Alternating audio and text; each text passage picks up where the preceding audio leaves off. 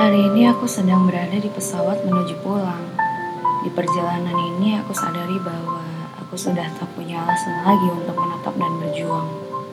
Mau membangun karir, tapi rasanya sudah cukup. Ingin mencari pasangan hidup, rasanya aku terlalu berusaha. Dan memang belum waktunya.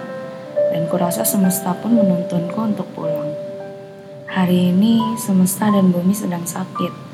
Sakitnya sangat parah. Sampai-sampai manusia pun takut berinteraksi dengan manusia yang lainnya. Maka dari itu, aku memilih untuk berkumpul dengan orang-orang yang aku sayangi. Aku pulang. Jujur saja kali ini rasanya aku akan benar-benar pergi. Pergi dari pekerjaanku yang sekarang. Dan juga pergi dari kamu. Mungkin ini jalan yang terbaik yang bisa aku pilih. Mungkin saja dengan begini adanya aku bisa berhenti memikirkan dirimu dan memimpikanmu setiap malam. Kamu tahu tidak bahwa perasaan ini sangat menyiksa. Memikirkan seseorang yang hanya menganggapku semu. Ketika aku berusaha mendekat, kamu pun menjauh. Ya sudah, aku tahu diri kok.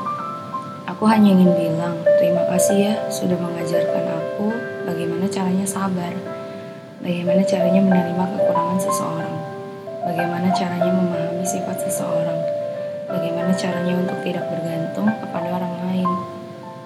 Terima kasih juga telah menemaniku saat aku sedang membutuhkan sosok untuk bersandar.